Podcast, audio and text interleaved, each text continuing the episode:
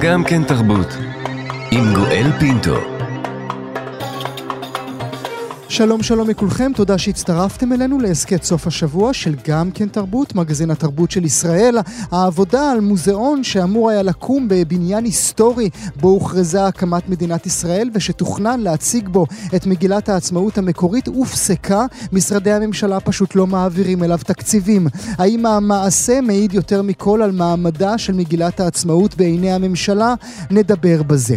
משרד המשפטים האמריקני מחליט להחרים משלושה מוזיאונים מוזיאונים בארצות הברית ציורים של הצייר האוסטרי אגון שילה בטענה כי הם נבזזו מיהודי שהושמד בדכאו, גם על זה נדבר, ואלעד אטרקצ'י, אחד מהשחקנים העסוקים והמצליחים בשנה זו, עושה את דרכו לפסטיבל עכו, שם הוא יככב בהצגה שעוסקת בהגירה מן הארץ, ואת המשדר אנחנו נסיים עם טיילור סוויפט, שכובשת לא רק את עולם המוסיקה, אלא גם את עולם הקולנוע. עורך המשדר יאיר ברף, עורכת המשנה ענת שרון בלייס, על ההפקה מיכל שטורחן, האזנה נעימה.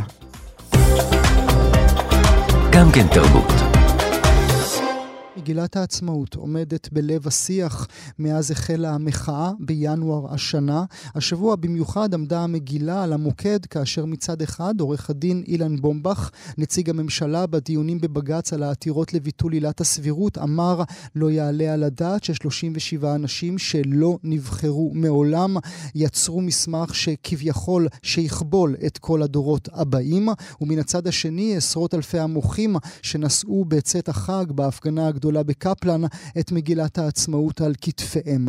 מחר, כך נספר לכם כעת, יפוג החוזה בין מוזיאון ארץ ישראל ועיריית תל אביב על הקמת מוזיאון בית העצמאות, מוזיאון שאמור היה לקום בבניין ההיסטורי בשדרות רוטשילד בתל אביב, שבו הוכרזה הקמת מדינת ישראל, מוזיאון שתוכנן להציג בו מגילת העצמאות המקורית, לראשונה מאז שנחתמה, לקהל הרחב. החודש שלח מנכ"ל מוזיאון ארץ ישראל שהפרויקט הפרויקט מתנהל תחתיו מכתבי סיום התקשרות לחברי צוות התוכן של בית העצמאות. הסיבה, הממשלה פשוט לא מעבירה כסף לפרויקט. נדבר על הסיפור שמעיד יותר מכל על מה שקורה סביבנו. נברך לשלום את רן שמעוני, כתב המרכז של עיתון הארץ, שיחד עם הכתב ניר חסון פרסם ידיעה אודות הסיפור. בוקר טוב לך רן. אהלן גואל. תודה שאתה נמצא איתנו הבוקר, ולצידך עמי כץ, מנכ"ל מוזיאון ארץ ישראל תל אביב, מנהל פרויקט בית העצמאות מטעם עיריית תל אביב-יפו. בוקר טוב גם לך, עמי. בוקר טוב לכם, בוקר טוב רן, בוקר טוב גואל. תודה שאתה נמצא איתנו. עמי, אה, נתחיל איתך ברשותך. אה, רן, אה, ספר לנו היכן עומד הסיפור כעת. איתי אתה מתחיל או עם רן? רן, ברשותך.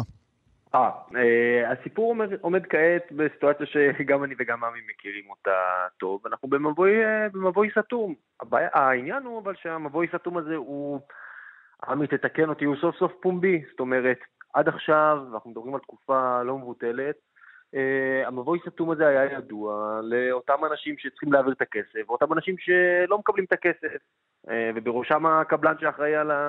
שאחראי על הפרויקט. Uh, כי המשרדים פשוט לא, לא עונים למיילים או עונים ומסבירים למה הם לא מתכוונים אה, להמשיך לתקצב את הפרויקט. אה, וזה עומד בנקודה הזאת, וכמו שציינת, אה, החוזה עומד לפוג ואין אין איזשהו אופק בנקודה הזאת, אין אופק להמשך העבודות.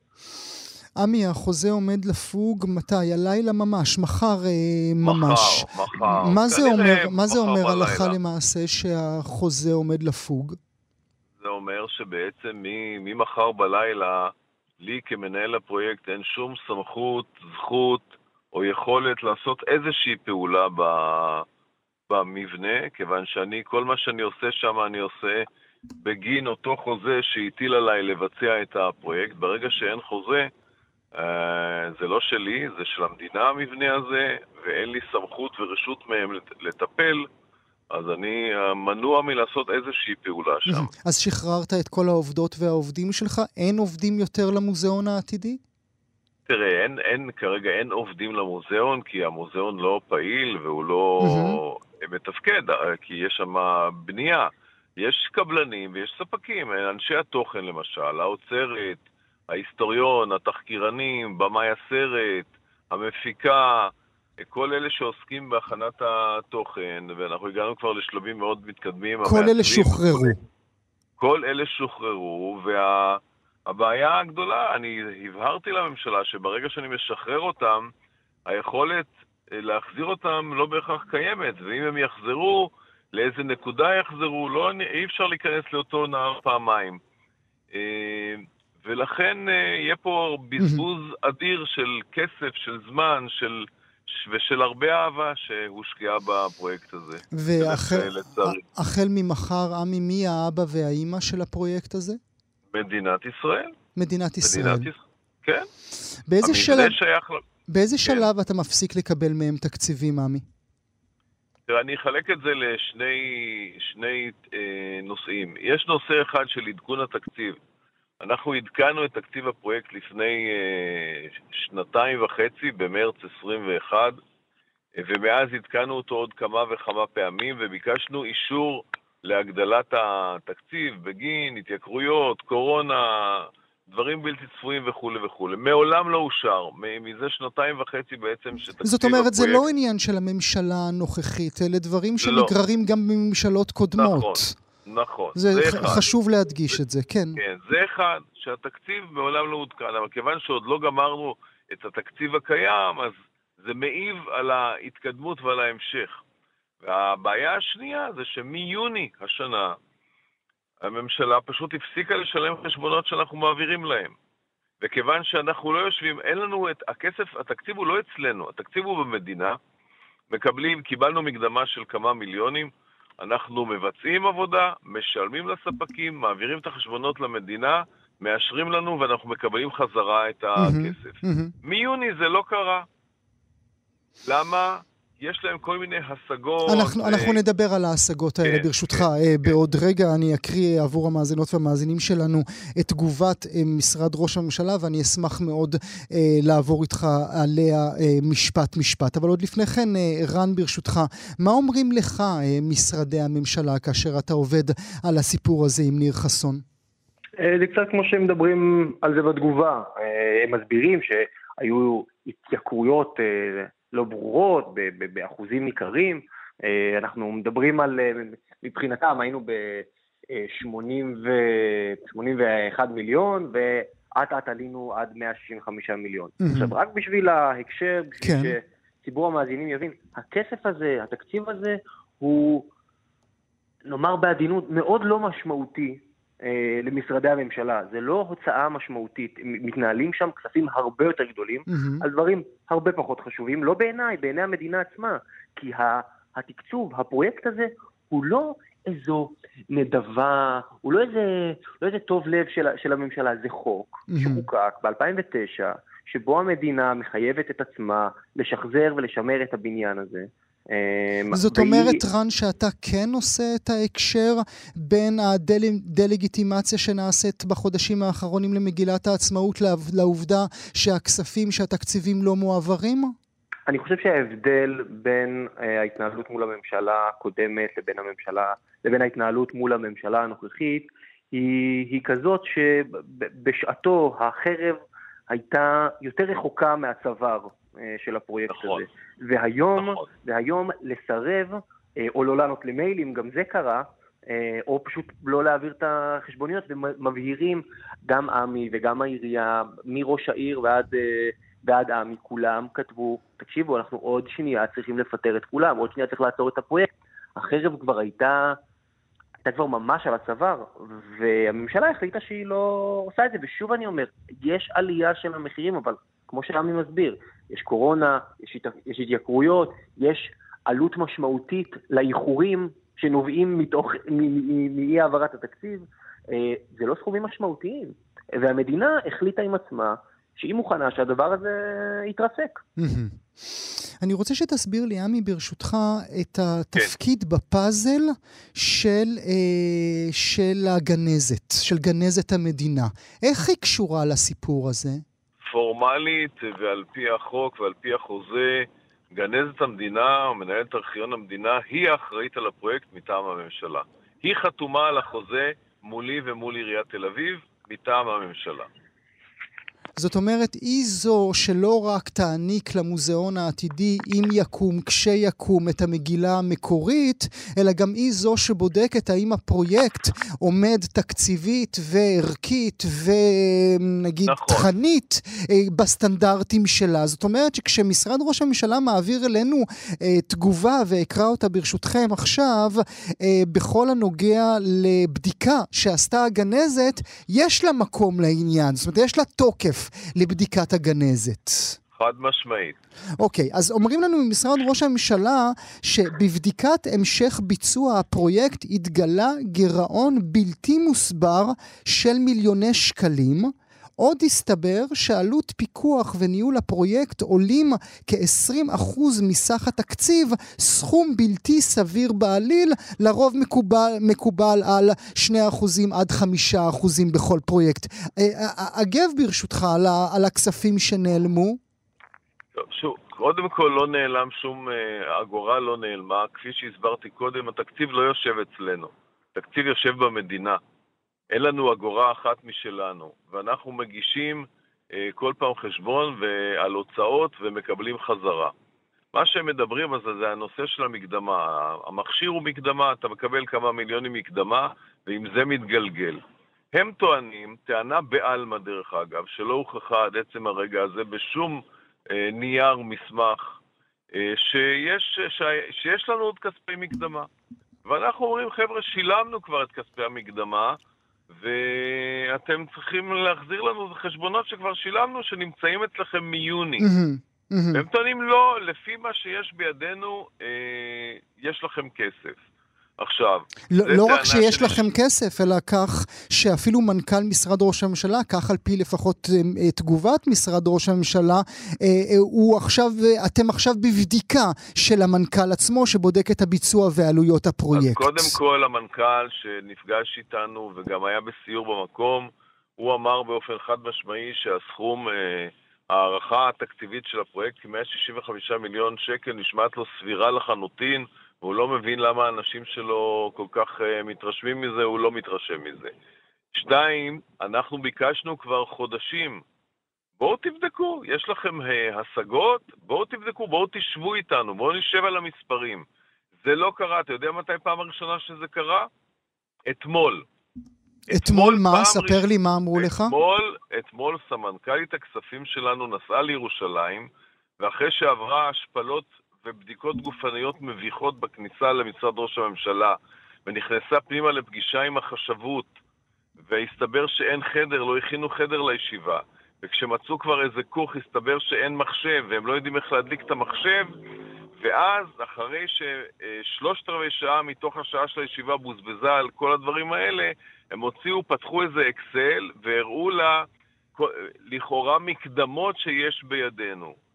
אה, אנחנו מאתמול בודקים את זה, וכבר הראינו להם שמיליונים רבים שהם טוענים שלכאורה יש בידינו, אנחנו שילמנו ואין בידינו, ואני מקווה שסוף סוף הסאגה המגוחכת הזאת mm. תיפתר. תגיד... אבל לאורך כל, ה... שנייה, לאורך כל התקופה אמרתי לגנז את המדינה, תקשיבי, אנחנו גוף מתוקצב, גוף ממלכתי, בבעלות עיריית תל אביב. אם יש בינינו איזשהו דיספיוט או ויכוח שמעולם לא נבדק, אבל בואו נבדוק אותו ביחד. תעבירו בינתיים כספים, אנחנו לא יורדים מהארץ ולא הולכים לשום מקום, אנחנו מחויבים לפרויקט הזה. הקבלן הולך, אנשי התוכן הולכים, כולם הולכים, אתם גורמים נזק לפרויקט ולמדינת ישראל, כי זה יעלה בסוף הרבה יותר כסף, mm. והפרויקט הולך אחורה. תגיד, יכול להיות, עמי, את... שאתם עושים תחרות למי גדול יותר על חשבון מגילת העצמאות ועל חשבון המוזיאון החשוב הזה? אני, זה מאוד, זו שאלה עצובה, זאת אומרת, השאלה עצובה, אבל uh, אני חושב ש...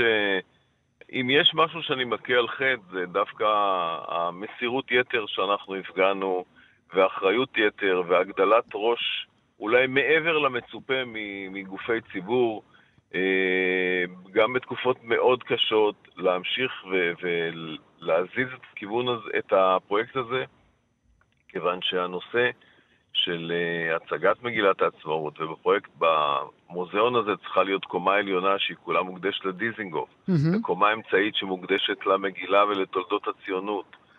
זה פרויקט יפהפה, והעיצוב והתוכן מרשימים, והקומה הראשונה קומת הכרזת המדינה, שבה היה גם הבית של דיזינגוף ומוזיאון תל אביב, אה, אלה דברים שאנחנו מחוברים אליהם בנימי נפשנו. ואם יש דבר שאנחנו עצובים ומוטרדים בגללו, זה התחושה שאולי זה לא כל כך חשוב כמו שחשוב לנו. נשים אה, נקודה ברשותך. אסיים איתך, אה, רן, אם תרשה לי. אה, שורה נוספת בתגובת משרד ראש הממשלה אומרת שהמשרד מעוניין להשלים את הפרויקט שיעלה על נס את מגילת העצמאות והמבנה ההיסטורי בו הוכרז על הקמת המדינה. איך אתה תופס את החודשים הקרובים? מה יהיה? לגבי הפרויקט הזה, אני אומר בכנות שאני לא יודע, כי אנחנו מדברים על, על אתה יודע, על, על הפגישות ועל הדיונים ועל לבדוק את ה... תקשיבו, זה, הדבר הזה הוא כל כך פתיר, גם מבחינת הסכומים, גם מבחינת הרצון הטוב של, ה, של, ה, של הצדדים. העירייה הייתה מוכנה, אני אומר את זה, להכניס, להכניס נכון, היד לכיס. העירייה מוכנה עדיין ביותר היום. מדרך אחת, ביותר מדרך אחת. הדבר הזה הוא פתיר, ההיתקעות על, ה, על הסכומים האלה היא ממש, היא פשוט לא רצינית. היא פשוט לא רצינית, לכן משם עולה המחשבה, mm-hmm. שם עולה החשש. שהכל ו... מתחבר למה שקורה ברחובות. בדיוק. ניר, ניר חסון, העיתונאי שפרסם את זה איתי, ואני, אנחנו מקבלים את הסיפור בערך חצי שעה אחרי שאילן בומבך מדבר בבית. המשפט העליון. זה, זה לא קרה, זה, הם, לא, הם לא הפסיקו את התקצוב באותה נקודה כמובן, אבל מבחינת הסמליות, אה, כשאנחנו מקבלים את הסיפור הזה, אנחנו אומרים, בואנה, זה... אה, אין, אין, אין יותר סמלי ואין יותר עצוב מזה. טוב, אנחנו כמובן אה, נמשיך ונעקוב. אני אודה לשניכם, רן, שמעוני ועמי כץ. תודה רבה לשניכם שהייתם איתי הבוקר. גם כן תרבות. משרד המשפטים האמריקני החרים מכמה מוזיאונים בארצות הברית, אחד בשיקגו, שני בפיטסבורג, שלישי באוהיו, ציורים של הצייר האוסטרי אגון שילה, בחשד כי הם נבזזו בעת השואה מפריץ גרונבאום, זמר ואומן קברט שמת בדכאו ב-1941. נספר לכם כעת את סיפורו של גרונבאום, של האוסף היפה, אוסף האומנות היפה שהוא החזיק, ובכלל כהרגלנו עם האורחת הבאה שלנו, שלנו נבחן את הרגע הזה בכל הנוגע להשבת יצירות לבעלים ולמדינות גם. נברך לשלום את עורכת הדין אלינור קרויטוריו, יועצת בתחום שימור מורשת והשבת נכסים. בוקר טוב לך. בוקר טוב גואל. נתחיל ברשותך עם סיפורו של פרינץ גרונבוים ואז נעבור אל ההחלטה המאוד מעניינת של משרד המשפטים האמריקני. אה, פריץ, או בשמו המלא פרנץ פרדריך גרונבאום, אה, נולד ב-1880 במורביה בגרמניה.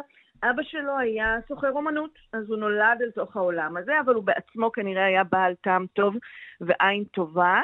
אה, הוא היה, כפי שאמרת, זמר קברט, כתב שירים, ואסף אמנות, היה לו אוסף מאוד מכובד של כ-500 יצירות, מתוכם 80 יצירות של שילה, שזה לא מעט כלל וכלל. אמ, הוא, הוא אה, אה, למד משפטים במקור, אבל ב-1906 הוא מתחיל בווינה במופעי קברט ומתמכר לנושא, ובאמת הופך להיות אה, אה, זמר קברט וכותב מאוד מאוד מפורסם. אה, ב-1938 הוא נשלח לדכאו מוקדם, עוד לפני אה, מה שאנחנו אה, מכירים כפרוץ המלחמה או, או, או תחילתה של השואה, אבל הוא נשלח לדכאו כמתנגד המשטר, כי ביצירות שלו בקברט הוא מתחיל להתריס mm-hmm. נגד המשטר הנציונל סוציאליסטי, והוא... קראתי, קראתי ציטוט שלו בניו יורק טיימס, אה, כן. רק, רק האזינו לאומץ הרב של האיש הזה, אה, הוא מופיע בפני קהל גרמני ועולה אל הבמה ואומר, חשוך פה, חשוך פה מאוד, כנראה שהגעתי אל כינוס של, ש, ש, של המפלגה. זה, זה דבר כזה, לומר, זה לא ברור מאליו בכלל. נכון, אמיץ, אמיץ מאוד. יש גרסה... אמ, מקורי או אחרת של המשפט הזה, שאומר כנראה שהגעתי אל תוך התרבות של ה-National Socialism, ולכן חשוך פה, mm, כן. Mm. אמ, אבל הרעיון הוא אותו רעיון, והוא בהחלט אה, מרגיז את המשטר הנאצי, ונשלח לדכאו ב-38, וכשהוא בדכאו, מענים אותו, עובר עינויים קשים מאוד, שבמהלכם בין השאר, אה, מכריחים אותו לחתום על ייפוי כוח שמעביר את כל הכוח אה, המשפטי לגבי הרכוש שלו לידי אשתו אליזבת, אמ, ואז במקביל את אליזבת מכריחים ממש אה, באיומים קשים למכור את כל האוסף שלהם במחירי אה, תת שוק mm. ולמסור חלק מהאוסף ובכלל את הרכוש. ואז אליזבת כמובן גם היא נאסרת ונשלחת אל מותה. כך שזה היה בהחלט אה, אה, תהליך אומרת, מוכן מראש. זאת אומרת... כדי לרוקן אותו מהאוסף שלו הבאמת אה, מוצלח. פריץ עצמו נפטר בדכאו ב-41. אה, את ההופעה האחרונה שלו, הוא, הוא מופיע, נותן הופעות קברט בפני האסירים בדכאו. הוא נותן בסילבסטר 1940, ואחרי זה, כשנה אחרי זה הוא נפטר, הוא כבר היה חולה מאוד עוד בהופעה האחרונה. זאת אומרת אמ, שהייתה כאן אה, החלפה של כסף. האם זה כן? לב הבעיה? אה, לא, דווקא הפעם לא. ההחלפה כאן ש, שהמוזיאונים אה, מתחבאים מאחוריה או, או מסתמכים עליה, היא החלפה הרבה יותר מאוחרת, משום שהיצירות האלה התגלגלו לארצות הברית. אה, לא לגבי כולן ברור עדיין איך, לחלק יודעים יותר, והם נרכשו על ידי המוזיאונים האלה בכסף, אבל בשנים הרבה יותר מאוחרות. וכאן הבעיה, הם טוענים לתום לב, כשאנחנו קנינו, לא ידענו. עכשיו, את, את תקנת השוק הזו והטענה לתום לב כבר אנחנו דיברנו עליה בעבר, והיא בהחלט בעייתית. אומר המוזיאון, לא ידעתי, לא יכולתי לדעת, שילמתי, שילמתי כסף מלא. אז חלק מהעסקאות אולי מאוחרות יותר, אבל המוקדמת שבהן משנת 58, אמ, של המוזיאון אה, באוהיו, אותו אה, אוברלין קולג', שאלה טובה, האם ב-58 כשאתה קונה שילה אתה באמת עדיין תם לב? בוודאי שלא, בוודאי שלא. המלחמה כן, בקושי נגמרה. יודעים גם ששילה הוא, הוא אה, נושא מרכזי בהרבה מאוד תביעות להשבת יצירות אומנות, הוא הוכרז כאומנות מנוונת, היצירות שלו הוצאו מחוץ לחוק, והוא באמת מוקד הדיונים בהרבה מאוד תביעות משפטיות של השבת רכוש שבאמת מושבות. אז כבר כשיש לך שילה מאותה תקופה, אתה צריך להיות עם עיניים פקוחות. אז לגבי תום הלב, אה, בית המשפט כמובן יחליט, לא אני, אבל יש פה שאלות מאוד מאוד מעניינות.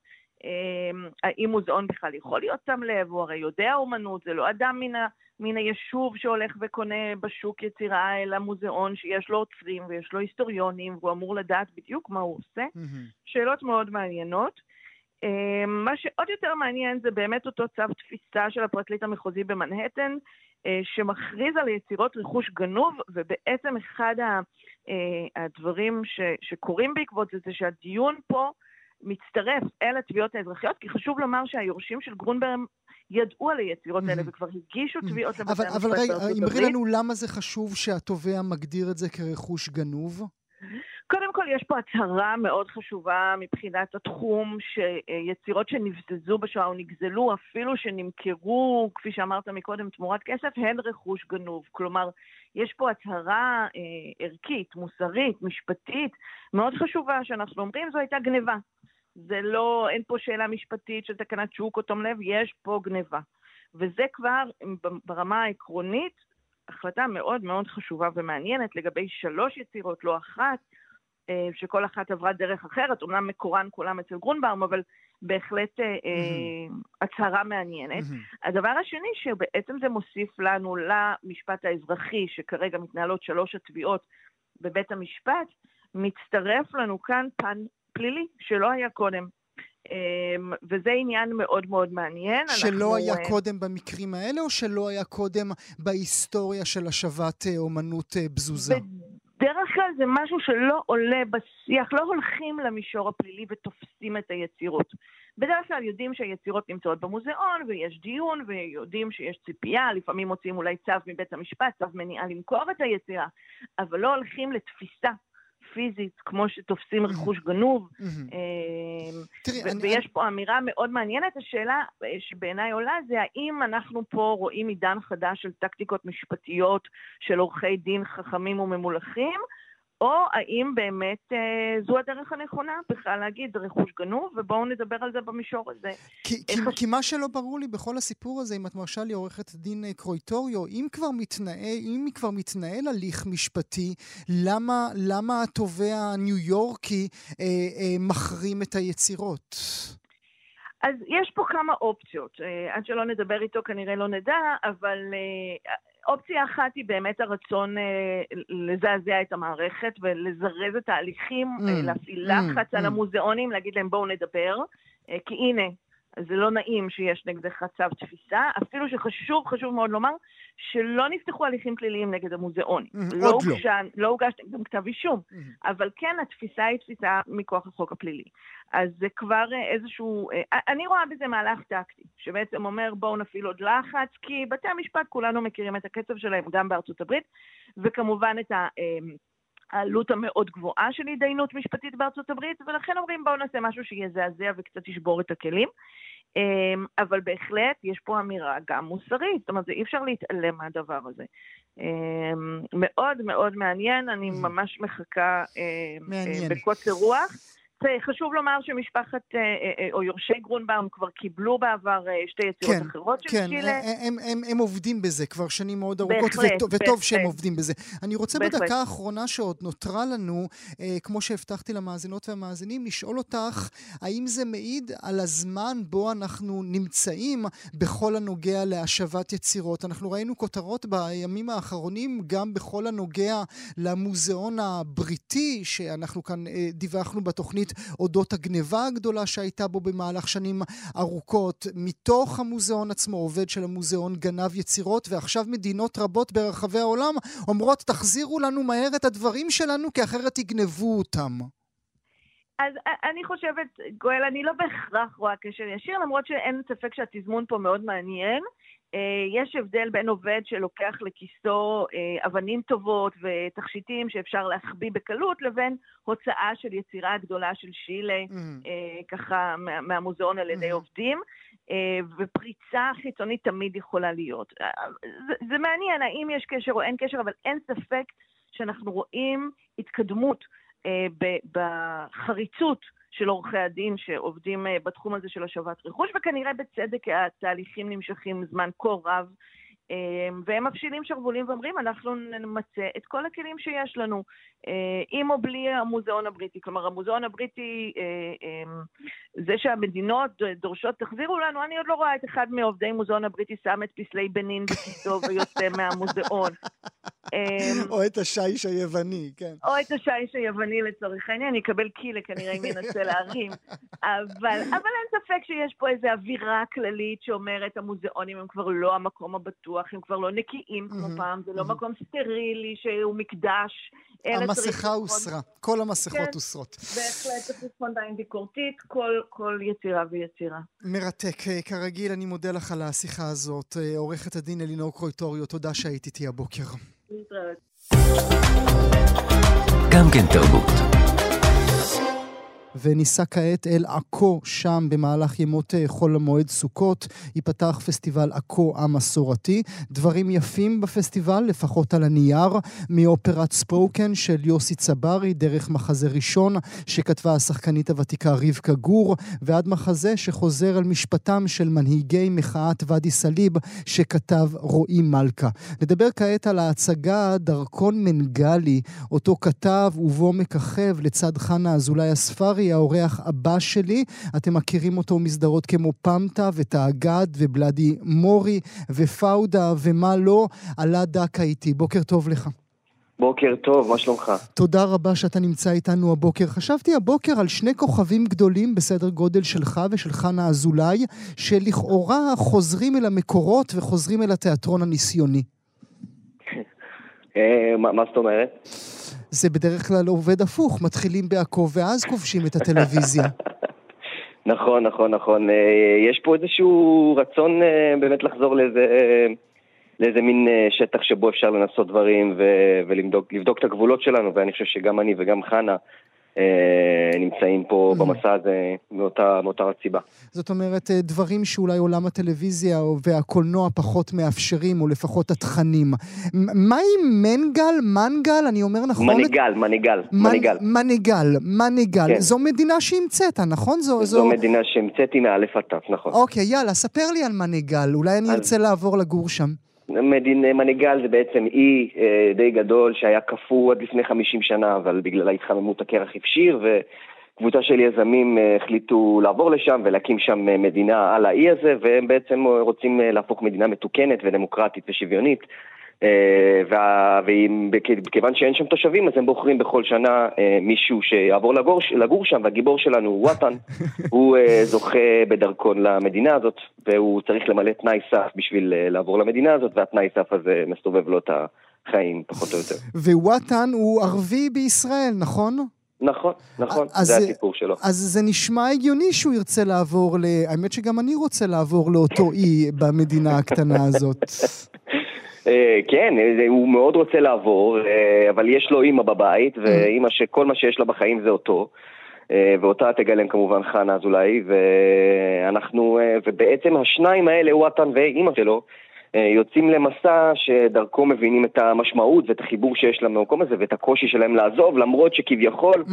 כל המסרים מסביב אומרים להם uh, אחרת. Mm-hmm. כולם אומרים אה, זה לא המקום שלכם, כולם אומרים אתם צריכים ללכת מכאן, אבל בעצם זה המקום האמיתי. זה המקום היחיד שיש לאימא של וואטן בעולם, ווואטן uh, פה מגלה פה איזושהי מין... Uh, מין, איזושהי אה, התערבבות כזאת, כי מצד אחד המקום הזה הוא כן הבית שלו, והמקום הזה הוא בעיקר אימא שלו, mm. אה, ולעזוב את אימא שלו זה משהו שהוא מרגיש שהוא אה, קשה לו, בטח, בטח לנוכח תנאי הסף שהוא מקבל mm-hmm. ממנגל. אתה ילד של אימא עלה? וואי, אם אבא שלי מקשיב לרדיו, אני לא... אתה רוצה שאני אענה על השאלה הזאת? בקיצור, אתה ילד של אימא, נכון? אני, אני ילד של ששני... אני דיברתי עם אבא שלי ממש לפני עשר דקות. אני לא יכול להגיד שאני ילד של אימא, אבל אני, אני כן, ההורים שלי הם, אה, הם זוג שהסיפור שלו באופן כללי הוא משהו שמעסיק את החיים שלי. אה, והם כן, שניהם אה, מודל ההשראה שלי. תראה כמה politically correct הייתי צריך לצאת בשאלה. לגמרי, לגמרי. טוב, בסדר, אני אגיד את זה בשמך. אתה ילד אה, של אימא. תיקח אותי אל רגע תחילת הכתיבה, כשאתה יושב על השולחן במטבח ומתחיל לכתוב את הדרכון מנגלי הזה. דרכון מנגלי התחיל בעצם לפני משהו כמו שנתיים, בעיקר בגלל כל מיני חברים שלי שפתאום אמרו אני מוציא דרכון פורטוגלי, וכל הדיבור הזה התחיל הרבה לפני שהתחילה כל הקלחת החברתית שאנחנו נמצאים בה עכשיו. Uh, ופתאום אמרתי לעצמי, רגע, בעצם אין לי אפשרות לצאת מפה, מה שאירוני הוא שבסופו של דבר אני אהיה כאילו, אני אהיה מי שיצטרך להישאר כאן, ועכשיו כשה, כשכל הבלאגנים קורים, אז בקרב החבר'ה שלי זה מי נראה כאילו אני אצטרך להישאר כאן, לראות את כל הדבר הזה קורה. Mm. Uh, ושם התחלתי לכתוב בעצם את המסע הזה של, של וואטן. ודווקא הנקודת פתיחה שלי הייתה דווקא בוא נראה מה קורה לסיפור של בן אדם שנשאר לראות את הכל קורה, אבל פתאום החלטתי לקחת את זה לזווית אחרת, לזווית הרבה יותר אפרית, ולראות מה קורה כשיש לבן אדם דווקא הזדמנות ללכת, מה קורה כשהוא המנצח, mm. כשוואטן, שהיה מפסיד עד עכשיו, פתאום הוא המנצח, מה זה עושה לו. אה, ושם התחילה נקודת הפתיחה. זה התחיל בערך לפני שנתיים, משהו כזה, שנה וחצי אולי. וזה סיפור בעיניך של אה, אזרח ערבי בישראל, או של כלל האזרחים כאן בישראל, שאולי בחודשים האחרונים לא מוצאים את מקומם? אני חושב שזה מה שמעניין במחזה הזה. המחזה הזה קיבל מין תוקף, אה, תוקף אה, אה, פול, לא פוליטי, תוקף כאילו... חברתי מאוד, כן. תוקף חברתי, כן, תקף חברתי יותר, במיוחד עכשיו, כשהרבה אנשים שאני מכיר מערערים במחשבה הזאת לעזוב, ובשאלות של אם לעזוב, וכמה לעזוב, ואיך לעזוב, אז פתאום המחזה הזה, הסיפור הזה של וואטן, הופך להיות משהו שהוא הרבה יותר גדול ממשהו אה, מגזרי או, או ספציפי, או, אלא משהו ש, ש, שכל בן אדם היום mm-hmm. בישראל מתמודד איתו. זה יהיה הוגן לומר, אה, עלה, שאתה ניצחת את המגזריות? אני מסתכל על, ה, על הטנא הענק של היצירות שלך. באמת, הפכת לכוכב אה, פשוט בממדים מטורפים, בין תאגד למדרשה ולפאודה ולתמונת ניצחון של אבי נשר. אני, אבירם כץ גם היית, גן נכון. קופים של אבי נשר. ניצח... שיוצא ממש עכשיו, כן. ניצחת את המגזריות? אה, אני לא יודע, אתה יודע, לנצח את המגזריות, יש בזה משהו אה, נורא נורא, אה, זאת שאלה כאילו שקצת מורכבת לי, אבל אני, אני לא חושב שניצח את המגזריות, כי המגזריות שלי לא דבר שאני רוצה לנצח. Mm-hmm. להפך, אני רוצה לחפש... לא, אבל אולי בתפיסה שלנו הישראלים, שאנחנו תמיד שמים שחקנים מצוינים כמוך בתוך נישה אחת. נכון, נכון, נכון, אני כאילו מסכים עם זה גם באיזשהו מקום. אבל, אבל כאילו, כן, במובן הזה כן נפתחה לי הדלת, כאילו במובן הזה גם בגלל, בגלל ההורים שלי שהם, שהם גידלו אותנו, בחרו לגדל אותי בבאר שבע, ובחרו שהשפה הראשונה שנלמד באיזשהו, כאילו שנגדל במסגרות יהודיות, אז כן השפה העברית מאוד מאוד אה, אה, פתחה לי כל מיני דברים ש, שהם פה. כלומר, mm. שיכולתי, יכולתי להרחיב את אה, מנעד, ה, מנעד יכולות המשחק שלי, מנעד הדמויות שאני יכול לגלם. באופן רחב יותר מאיך שהייתי יכול, אם הייתי נשאר ב... אם הייתי דובר שפה, אם הייתי דובר ערבית, mm-hmm. כי אני דובר ערבית, אבל אם כאילו זה היה משהו שיכול להגביל אותי, או משהו שיכול... תראה, אבא שלי, אני, הכבוד שלי קוראים לו מוסא. Mm-hmm. תמיד אני אומר לו, אבא, הבאת אותי כאילו למקום שאני יכול לדבר בעצם, כאילו, הוא בא מהכפר, אבא שלי גדל בבאקה, באקה אל-גרבייה, והוא בעצם הביא אותי לנקודה, החיים שאני גדלתי זה לא החיים שהוא גדל, הם שונים בתכלית. כלומר, אבא שלי היה בן אדם שגדל בכפר, והביא אותי לעיר, ואני יצאתי לאורבני, וזה, כן, אני לא יודע אם לנצח את המגזריות זה הביטוי הנכון, אבל כן קיבלתי הזדמנות פה להרחיב את המנעד שלי. אתה לא מרגיש לפעמים אה, שהוא גזל ממך את מה ש... אה, אה, להיות חלק ממנו, להיות בן כפר כמוהו? אמ, אני, אני, זה, זה בדיוק העיסוק שלי בעצם, זה בדיוק העיסוק שלי כיוצר ופחות כשחקן. כשחקן אני קיבלתי בעיקר מתנות mm-hmm, כן. מהדבר הזה. כשחקן כיוצר, ישראלי, כן. כשחקן, כיוצר אני כאילו מרגיש ש... אמ, כיוצר אני מרגיש שמשהו פה באמת פוספס ובאיזשהו מקום מעבר וה... וה, וה המקום הזה של ההכרה האמיתית של ההורים שלי וה, והמקום שהם באו ממנו הוא משהו שקצת התפספס לי, והיום כל מה שאני עושה זה בעצם לנסות להבין אותו בחזרה. זה תחושת המייסלון חמוד, לא פה ולא שם? אה, זה תחושת הגם פה וגם שם. גם פה אה, וגם שם, אוקיי. זה התחושה שאני מרגיש. אני חושב על כל התפקידים הנהדרים שעשית. אני עוד רגע רוצה לשאול אותך גם איך אתה מרגיש אל מול התהילה, אבל נשאיר את זה רגע בצד, וזה לוקח אותי אל, אל שנים אחרות, שאולי רבות ורבים מהמאזינות והמאזינים, גם אתה בטח לא, לא זוכרים, כן? אל הימים הגדולים של, של תיאטרון חיפה, שהיו שם כוכבים ענקיים, ג'וליאן אומר, ויוסף אבו ורדה, וסלים דאו, ונורמן איסה, אנשים שהיו חלק מרכזי מאוד בתרבות הישראלית, וזה נפסק בהם, ואתה הדור החדש שנכנס פנימה. אה, אני כבוד גדול אה, לשמוע את מה שאתה אומר, כל השחקנים האלה שמנית פה זה אנשים שאני מעריץ ו... ו... ואוהב מעומק הלב, ואת חלקם אפילו זכיתי להכיר באופן אישי, אז אה, זה מאוד מאוד, זה כבוד מאוד גדול לשמוע את מה שאתה אומר. תודה רבה לך. אבל מה אתה אומר לצעירות וצעירים אחרים כמוך, ערבים ישראלים, שמרגישים שהדלת עדיין נעולה בשבילם?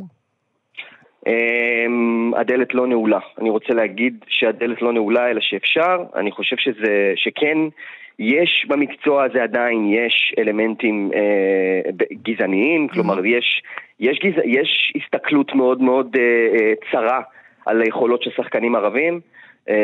ש, אה, שזה או גופה או טרוריסט, נכון? אנחנו, שזה, זה המנעד.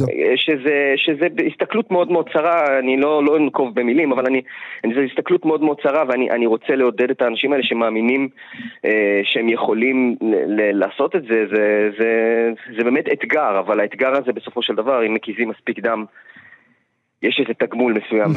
הרגשת שהקזת דם? היית צריך לשכנע את, ה, את בעלי התפקידים, להגיד להם, רגע, אני גם יכול להיות בחור ישיבה? לא, אני לא, אני מעולם לא, לא, לא, זה, אתה יודע, לא הייתה לי תשוקה גדולה לשחק, אה, אה, אה, אה, כלומר, הלאום של הדמות שאני מגלה מעולם לא היה איזה עניין mm. משמעותי מדי mm. בשבילי. הסיפור תמיד היה הדבר הכי חשוב, וכשזה סיפור טוב אז זה באמת משהו שחוצה את הסקטוריאליות. אה, ואני כשחקן נאבק על הסיפור, והסיפור הוא הסיפור, אתה יודע, ששייקספיר כתב על דנמרק, אתה יודע, והוא התכוון mm. בכלל לאנגליה, אז אני, כאילו, זה לא, זה לא משנה בכלל. הדבר שהכי משנה הוא הסיפור, ו... ועל זה צריך להיאבק. ובעיניי, הרבה פעמים אנחנו באמת נופלים יוצרים, או הטלוויזיה בישראל נופלת הרבה פעמים לסקטוריאליות מסוימת, של לנסות לדבר איזשהו אבל בעיניי זה מין, זה מין קישוטי, אה, קישוטי אותנטיות, והם לא באמת דרמה. דרמה היא משהו שחוצה את האותנטיות. נורא כיף שניצחת את ה system. איך אתה אל מול התהילה? אה, תשמע, אני לא יודע, זה לא, אתה יודע, אין תהילה. אני לא, לא מריל סטריפ. אני לא מריל סטריפ, בסך הכל, ולי זה נעים מאוד, זה לא משהו שהוא, אצלי זה לא חצה גבולות של...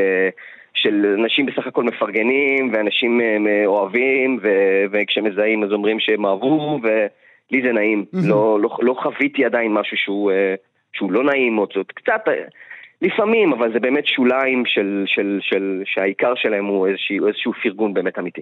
וכאשר uh, אתה עושה דברים שאולי יוצאים מן התלם, כשאתה מראה את הטוסיק שלך בטלוויזיה, או כשאתה מגלם הומו, אלה שאלות שאתה שואל עצמך כאזרח ערבי, או שגם זה כבר לא רלוונטי? Uh, בעיניי זה כבר לא רלוונטי, אני בטוח ש, שיש אנשים שזה יפריע להם, אבל... אה, אני עוד לא חוויתי איזושהי התנגשות במובנים האלה. עם הסיפור עם התחת זה בעיקר עם אמא שחוויתי mm. את ההתנגשות. אה, שלא אהבה את זה. שבלשון המעטה. אה, ואמרת לה, אבל אמא, את ראית ראשונה את הטוסיק הזה. זה לא משהו שיכול לשמח אותה, מה שאמרת עכשיו. ואם כן זה מאוד אדיפלי, אבל אני חושב, ש, אני חושב שזה, שזה משהו שהוא, אה, שבינתיים, שוב, כמו שאמרתי, סיפור, סיפור, סיפור, סיפור, בזה אנחנו מתעסקים. אה, וכן, ההתרחבות שלנו לתוך נושאים שהם מורכבים, הם אה, משהו שהוא הכרחי בעיניי. בטח כשאתה משחק מישהו שהוא, אה, שהוא הומו בארון, mm. או באיסט סייד, או mm. כשאתה משחק... אה, תראה, מונה היה בסך הכל בן אדם שהוא סוג של קריזיונר כזה וקצת אבוד. לא היה בו משהו באמת באמת... היה בעיקר מישהו מאוד מאוד בודד, זה ככה אני ראיתי אותו. Mm. אבל... אבל איסטייד באמת היה איזשהו סיפור גם כן שהוא ספציפית מורכב יותר, בטח, בטח למגזר. אה, וזה משהו ש... שרציתי לחבק בשתי ידיים, וזה משהו ששמחתי מאוד לעשות, כמובן. ואם הייתה הזדמנות, מילה לסיום, אם הייתה הזדמנות לנסוע אל אי בודד, היית עושה את זה? וואי, זו שאלה מאוד מאוד קשה, אני לא יודע, יש בי איזו תשוקה קטנה כזאת, זה כאילו איזה מין, זה כמעט החלום האמריקאי כזה של מילר, שזה כאילו מה שנמצא שם, ההזדמנות שנמצאת שם, זה לונדון, אתה יודע, זה כל ה... זה, אני לא יודע להגיד לך אם כן או לא. כשתבוא ההזדמנות הזאת באמת, אני כנראה אצטרך לשאול את עצמי באמת. אה, אבל כרגע אני יכול להגיד שהמקום היחיד שממלא אותי השראה הוא כאן, ואנשים שחיים כאן, וסוג האנשים שחיים כאן, והסיפור של המקום הזה הוא ההשראה הכי גדולה שלי. ואם הזכרנו את הטוסיק של אה, עלה דקה, אז רק נאמר שהשורה שה, אה, מתחת לכותרת ההצגה היא סאטירה פתטית, על הארץ המוב תחת. עלה דקה, לעונג רב, דרכון מנגלי במהלך ימות פסטיבל הקו. תודה שהיית איתי הבוקר. תודה רבה, תודה רבה, יום טוב, בוקר טוב. גם כן תרבות. חייבים לדבר על טיילור סוויפט. חייבים כי כנראה מדובר בזמרת המצליחה ביותר בעולם, וגם כי אחרי הידיעה ששידרה אתמול מיכל שטורחן אודות ההחלטה של ה-USA Today, עיתון רב קוראים בארצות הברית, ליצור תקן מיוחד של כתב לענייני טיילור סוויפט, פשוט לא יכולנו לעצור בעצמנו. סוויפט נמצאת כרגע בסיבוב הופעות, The Eras Tour, והוא צפוי, כך על פי ה-CNN, להכניס למעלה משני מיליארד דולרים, להפוך גם למצליח ביותר בכל הזמנים. אבל ההצלחה של סוויפט היא לא רק במוסיקה, בתארים, בפרסים, אלא גם בקולנוע. בחודש הבא, כך הודיעה הזמרת באמצעות ציוץ ב-X, טוויטר לשעבר, יצא לבתי הקולנוע סרט שמתעד את מסע ההופעות שלה, וברגע שנפתחה האפשרות לרכישה מוקדמת של כרטיסים, כבר נמכרו כרטיסים מעל ל-60 מיליון דולרים. לא רק זה, אלא שגם שיטת ההפצה של סוויפט שונה מכל מה שראינו עד כה. נסביר לכם כעת הכל, נעשה זאת עם אפי ליפשיץ, מייסד ושותף ברשת בתי הקולנוע מובילנד. אפי, בוקר טוב. בוקר אור. לפני הכל, עד כמה זה יוצא דופן, אפי, מהידע הרב שלך, שסרט שמתעד מסע הופעות מצליח בצורה כזאת? בצורה כזאת זה חסר תקדים אה, מבחינת מכירות מוקדמות. אה, בכלל, סרטים שמתעדים הופעות, יש כמה קלאסיקות שהפכו ל... אה, נקרא לזה סרטים מאוד חשובים אולי, כמו הוואלס האחרון של סקורסזה עם The Band ו Stop Making Sense של Talking Heads, אבל הם בשום מדד כלכלי לא מגרדים אפילו את הקרסוליים של מה שקורה עכשיו. אה, זה נדיר, זה נדיר מאוד. מהו המופע המצולם המצליח ביותר בתולדות הקולנוע?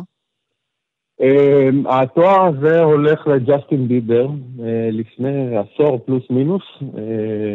הסרט שמתעד את ההופעה שלו הכניס בצפון אמריקה סך הכל אה, בסביבות ה-73 מיליון דולר, ואסף עוד איזה 10 או 15 בשאר העולם.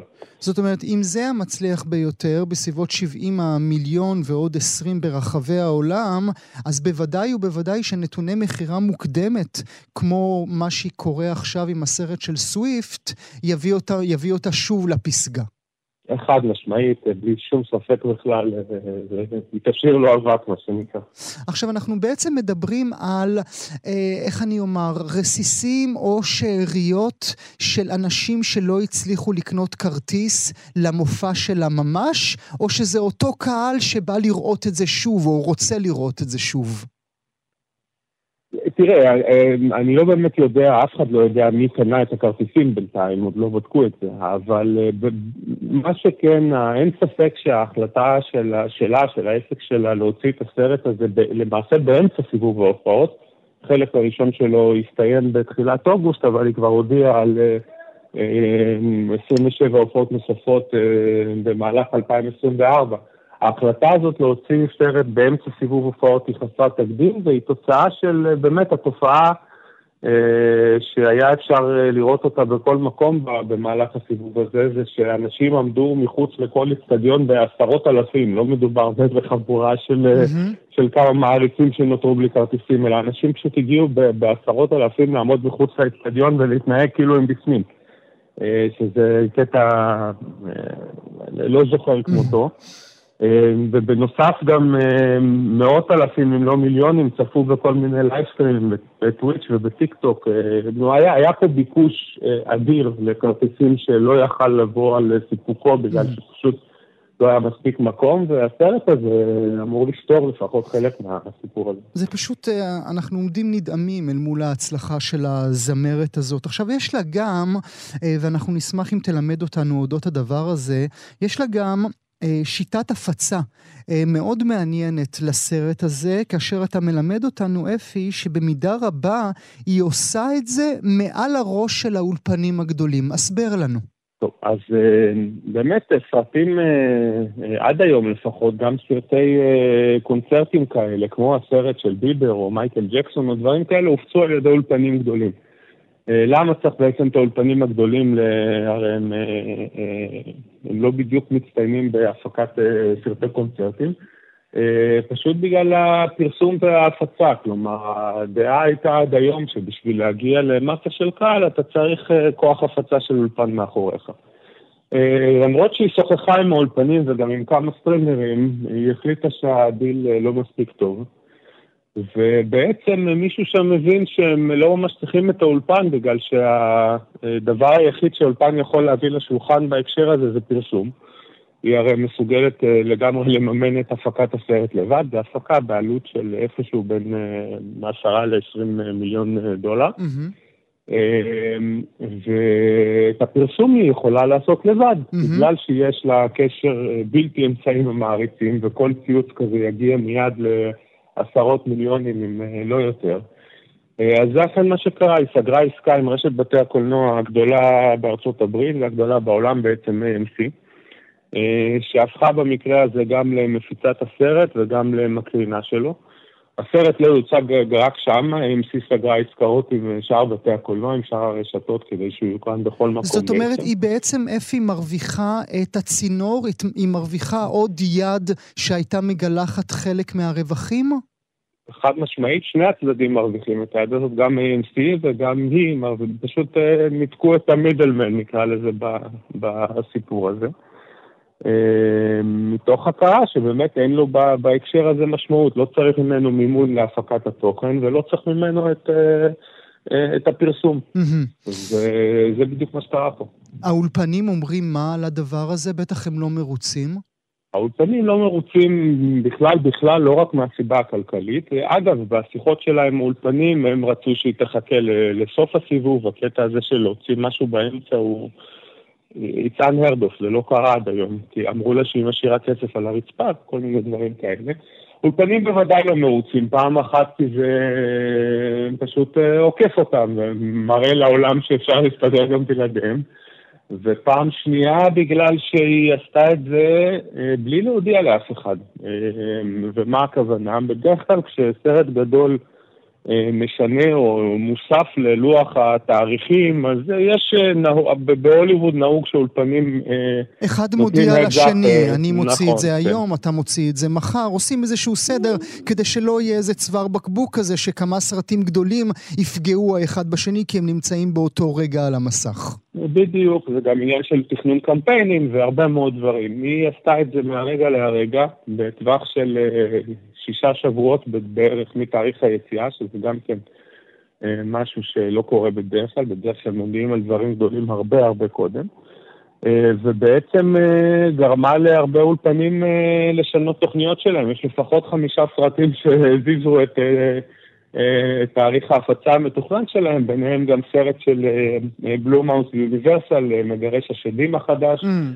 קומדיה של מג ריין ועוד כל מיני, אז יש כמה שכועסים עליהם מאוד, כי זה שינה להם תוכניות mm-hmm. ועלה להם כסף מן הסתם. ולא רק שהיא מדלגת להם מעל הראש שלהם, אולי גם דורכת להם על הראש, אלא גם היא מחליטה אה, שהסרט יוקרן רק בסופי שבוע? זאת אומרת, ליצור עוד ביקוש על עוד ביקוש על עוד ביקוש? אה, כן, תראה, העניין עם אה, אה, הקרנות אה, מהסוג הזה של הופעות או מופעים או דברים שהם לא סרט עלילתי, היא מחייבת כמעט אולמות מלאים. אף אחד לא רוצה לשבת אחרי הצהריים באיזה אולם עם עוד 13 אה, אה, איש ולראות הופעה של ציילור סוויפט. החוויה הקולקטיבית. נכון. Mm. אז הדרך שלה לפתור את העניין הזה ולמנוע מאולמות להיות... ועכשיו, אגב, זה נורמלי לגמרי, גם בסרטים גדולים שיש הקרנות שאין בהם הרבה אנשים. ככה סרטים אוספים את הכסף שלהם. כלומר, זה לא משהו שמישהו בדרך כלל מתרגש ממנו. הבחירה שלה אה, לעשות את זה רק בסוף השבוע מבטיחה איזשהו צוואר בקבוק, וזה הבטיח פשוט שהמכירות המוקדמות התחילו למלא אולמות בתפוסה כמעט מלאה. אה, שזה מהלך אה, מאוד נבון, אולי לא הכי כלכלי בעולם, אבל. אה, אני חושב שככה צריך לעשות את זה. ואולי, אה, ואולי בסוף, אפי, גם זה, אנחנו נבין שטיילור סוויפט יודעת יותר טוב מכולם, מכולנו, אה, בכך שהיא תוכיח שזה דווקא המהלך הנכון. האם בעיניך, אפי, זה ישנה את המחשבה גם של האולפנים בכל הנוגע לסרטי קונצרטים? זו שאלה מעולה שקשה מאוד לענות עליה. אז uh, יש מעט מאוד uh, אומנים שמסוגלים להביא כל כך הרבה קהל uh, לבתי קולנוע, בהיבט הזה היא תופעה ייחודית. מה שכן, כמו כל דבר בהוליווד, ברגע שרואים משהו אחד מצליח, יש תמיד נטייה לחקות אותו ולנסות לעשות... אה, עוד משהו. היו בעבר גם אומנים גדולים שהוציאו קונצרטים לקולנוע ונכשלו כישלון חרוץ, אפשר להזכיר את מטאליקה בהקשר הזה, למשל, שהסרט שלהם, למרות שהם היו אז בשיא אה, אה, כוחם, הסרט שלהם לא הצליח. אז אה, כן, אני מאמין שאנחנו נראה עוד ניסיונות לעשות דברים כאלה. אה, מבחינת בתי הקולנוע זה חדשות טובות, כי זה עם כל השביתה וה... Mm-hmm, mm-hmm. והבעיות שיש להם גם ככה עם האולפנים, יש פה איזה מסר שאומר, אנחנו יכולים למלא אולמות גם בלי, אה, אה, בלי, שוברי, בלי שוברי הקופות שלכם. אה, ויהיה מעניין לראות מה, איזה תוכן יצוף אה, בשנה הקרובה אפילו בהקשר הזה. באמת תופעה מרתקת, טיילור סוויפט. אפי ליפשיץ, מייסד ושותף ברשת בתי הקולנוע מובילנד, תודה לך שהיית איתי הבוקר. תודה, גואל.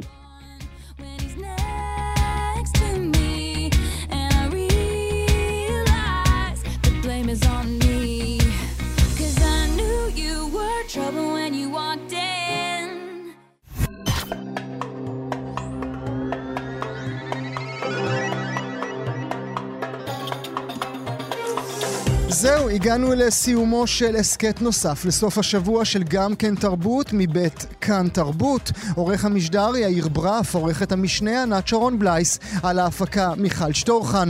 תודה שהייתם איתנו. עד הפעם הבאה, להתראות.